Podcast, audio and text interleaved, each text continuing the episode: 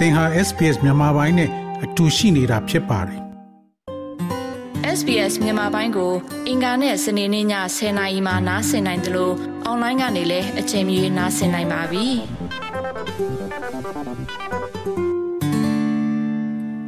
တော်ရရှိမြခင်ဗျာ2022ခုနှစ်ဒီနေ့ပြေးသွားတဲ့ Melbourne Cup မှာတော့အသက်6နှစ်အရွယ် Mark Zahara Sinin နဲ့ Gold Trip မြင်းက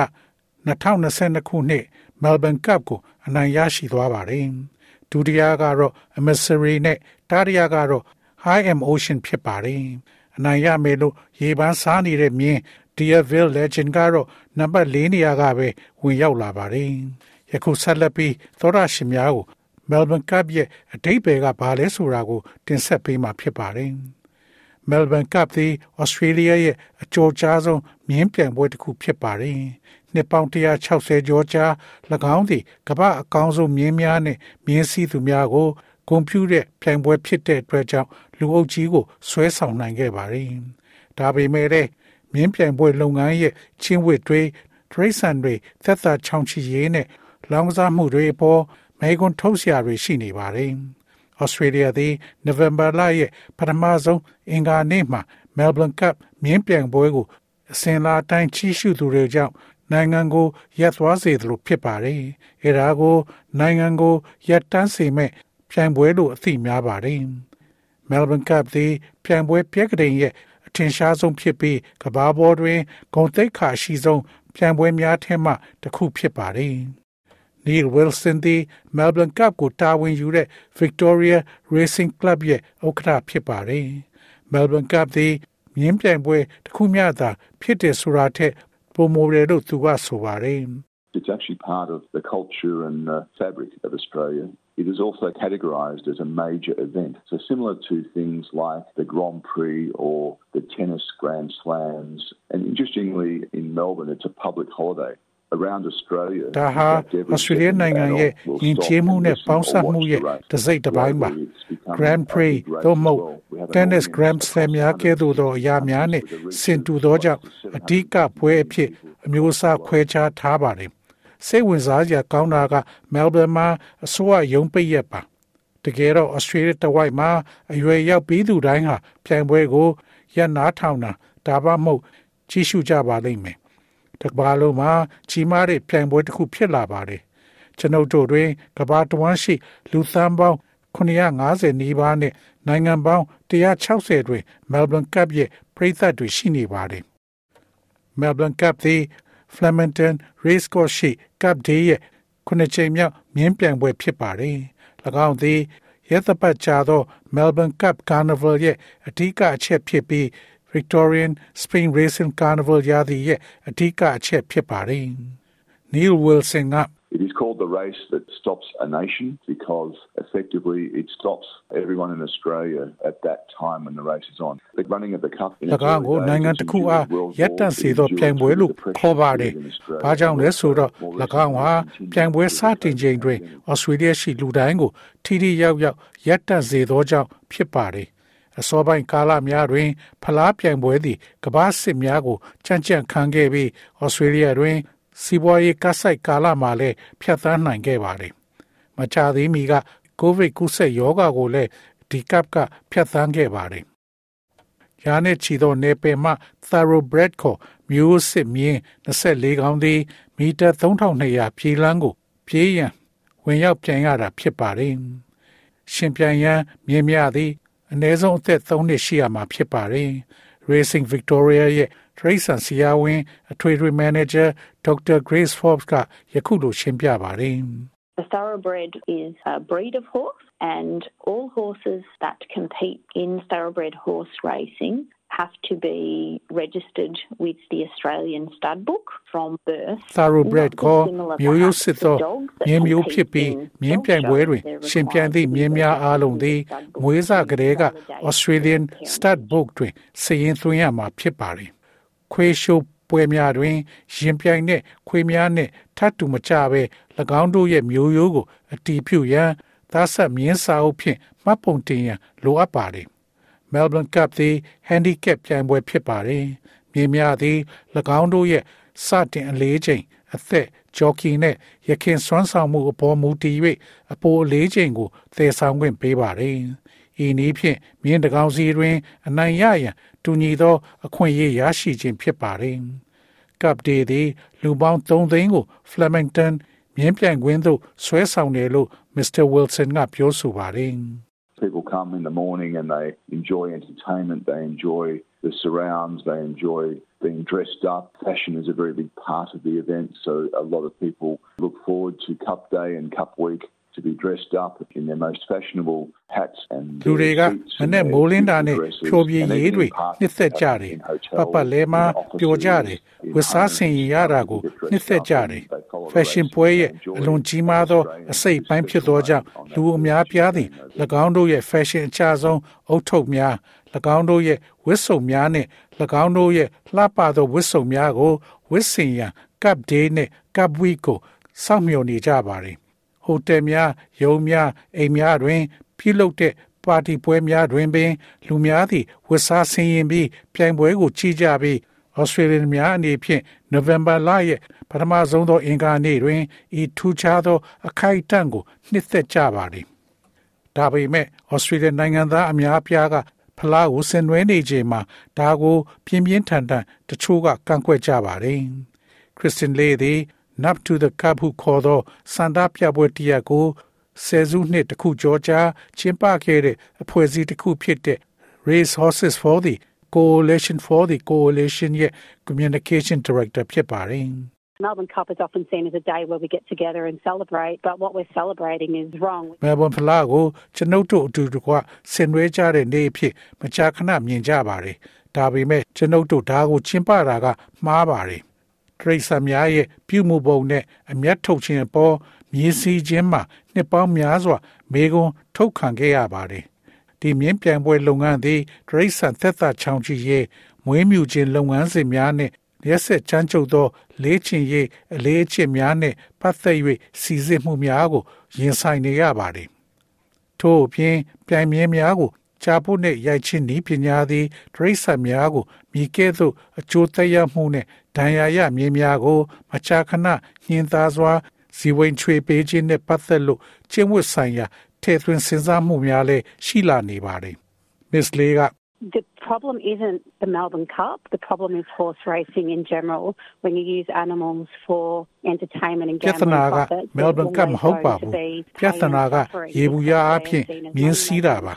တရိษတ်များကို ဖျော်ဖြေရေးနဲ့လောင်ကစားအချိုးမြတ်အတွက်အသုံးပြုတဲ့အခါ၎ င်းတို့ကိုငွေရှာသည့်ဆက်များအဖြစ်မြင်ကြသောကြောင့်နာကျင်မှုနဲ့ဝေဒနာခံစားမှုများအမြဲရှိနေမှာဖြစ်ပါတယ်ဖလားသည်ကမ္ဘာအချမ်းသာဆုံးပြိုင်ပွဲများထဲမှတစ်ခုဖြစ်ပါတယ်။ယခု2022ခုနှစ်စုကတော့8 million dollar ဖြစ်ပါတယ်။အနိုင်ရရှိသူသည်ဒေါ်လာ4သန်းနဲ့စုဖလားဒေါ်လာ2,500ရရှိပါတယ်။၎ င်းသည်ဩစတြေးလျရဲ့အကြီးမားဆုံးတရက်တာလောင်ကစားပွဲလည်းဖြစ်ပါတယ်။တနေ့တင်တစ်ချိန်လောင်ကစားသမားများသည်၎င်းတို့ရဲ့အလောင်းစားများကိုပြုလုပ်ကြပြီးလုပ်ငန်းခွင်များတွင် မကြာခဏ sweepstake ခေါ်အရှုံးမြင်းလောင်းကြီးအားလုံးကို အနိုင်မြင်းလောင်းသူများခွဲဝေယူသော မြင်းလောင်းနည်းများပြုလုပ်လေ့လည်းရှိပါတယ်။ Melbourne ဖလားသည် Victoria စီးပွားရေးကို မြင့်တင်ပေးတော်လဲထို့သို့လှုပ်ဆောင်ခြင်းသည် လောင်ကစားပြဿနာတစ်ခုဟု Miss Lee ကပြောဆိုပါတယ်။ In the past 10 years, thoroughbred wagering turnover has doubled. $29 billion is now gambled on thoroughbred racing alone. တွန်ခဲ့တဲ့ဆယ်နှစ်အတွင်း thoroughbred မြင်းသက်မြင်းလောင်းခြင်းငွေသည်နှစ်ဆတိုးသွားပါတယ်ယခုအခါ29ဘီလီယံသည်နှစ်စဉ် thoroughbred မြင်းအပြေးပြိုင်ပွဲတစ်ခုတည်းတွင် လောင်ကစားပြုလုပ်နေပါတယ် ထို့ကြောင့်မြင်းပြိုင်ပွဲသည်မြင်းများအတွက်သာမက လူများအတွက်ပါဆိုးဝါးပါတယ်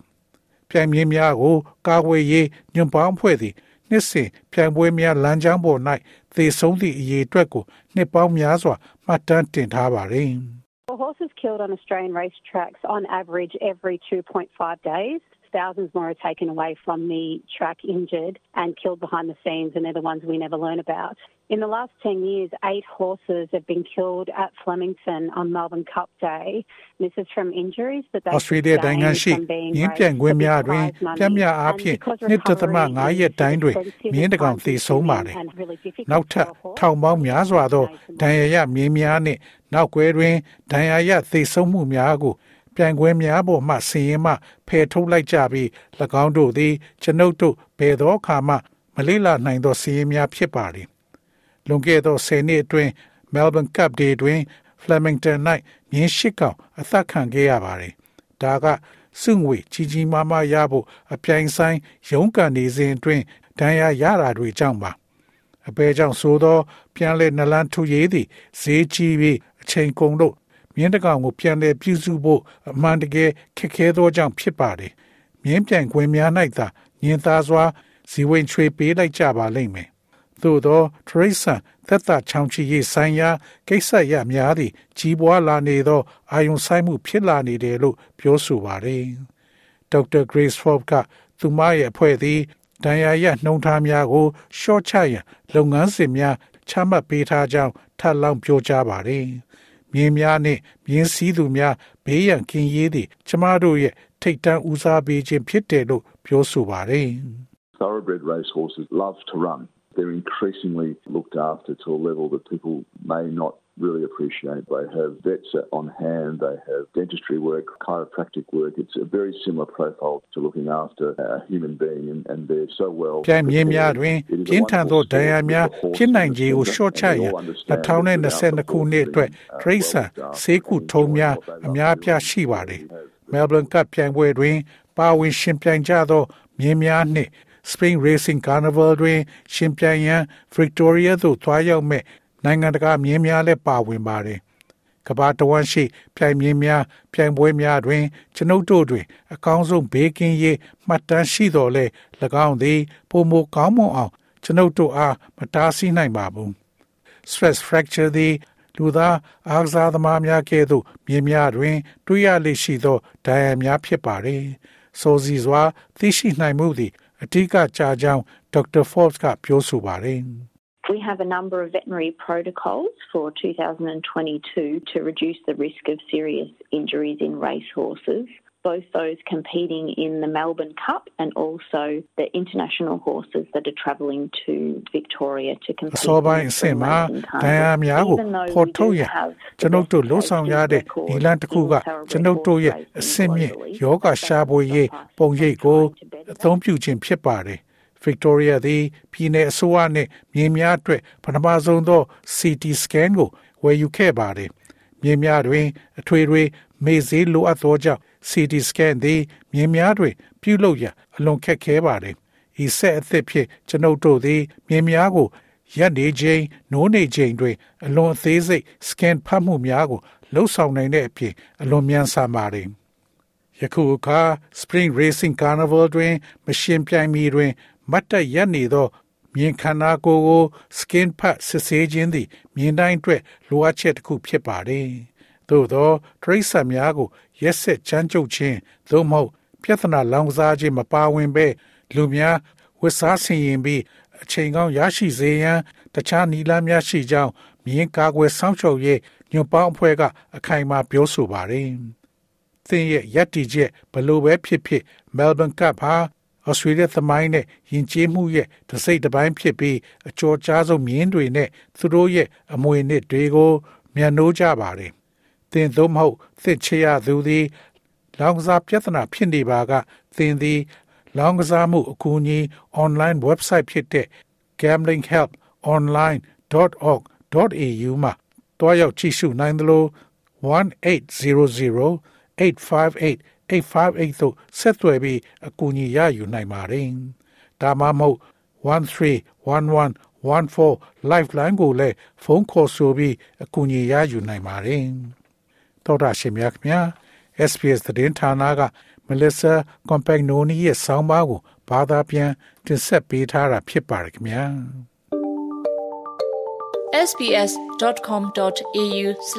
sbs.com.au/bemis ကို home နေရာမှာထားပြီးတော့အမြဲတမ်းနှာစင်နိုင်ပါတယ်။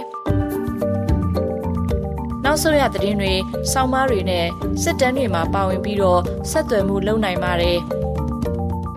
sbs.com.au/bemis ဖြစ်ပါတယ်ရှင်။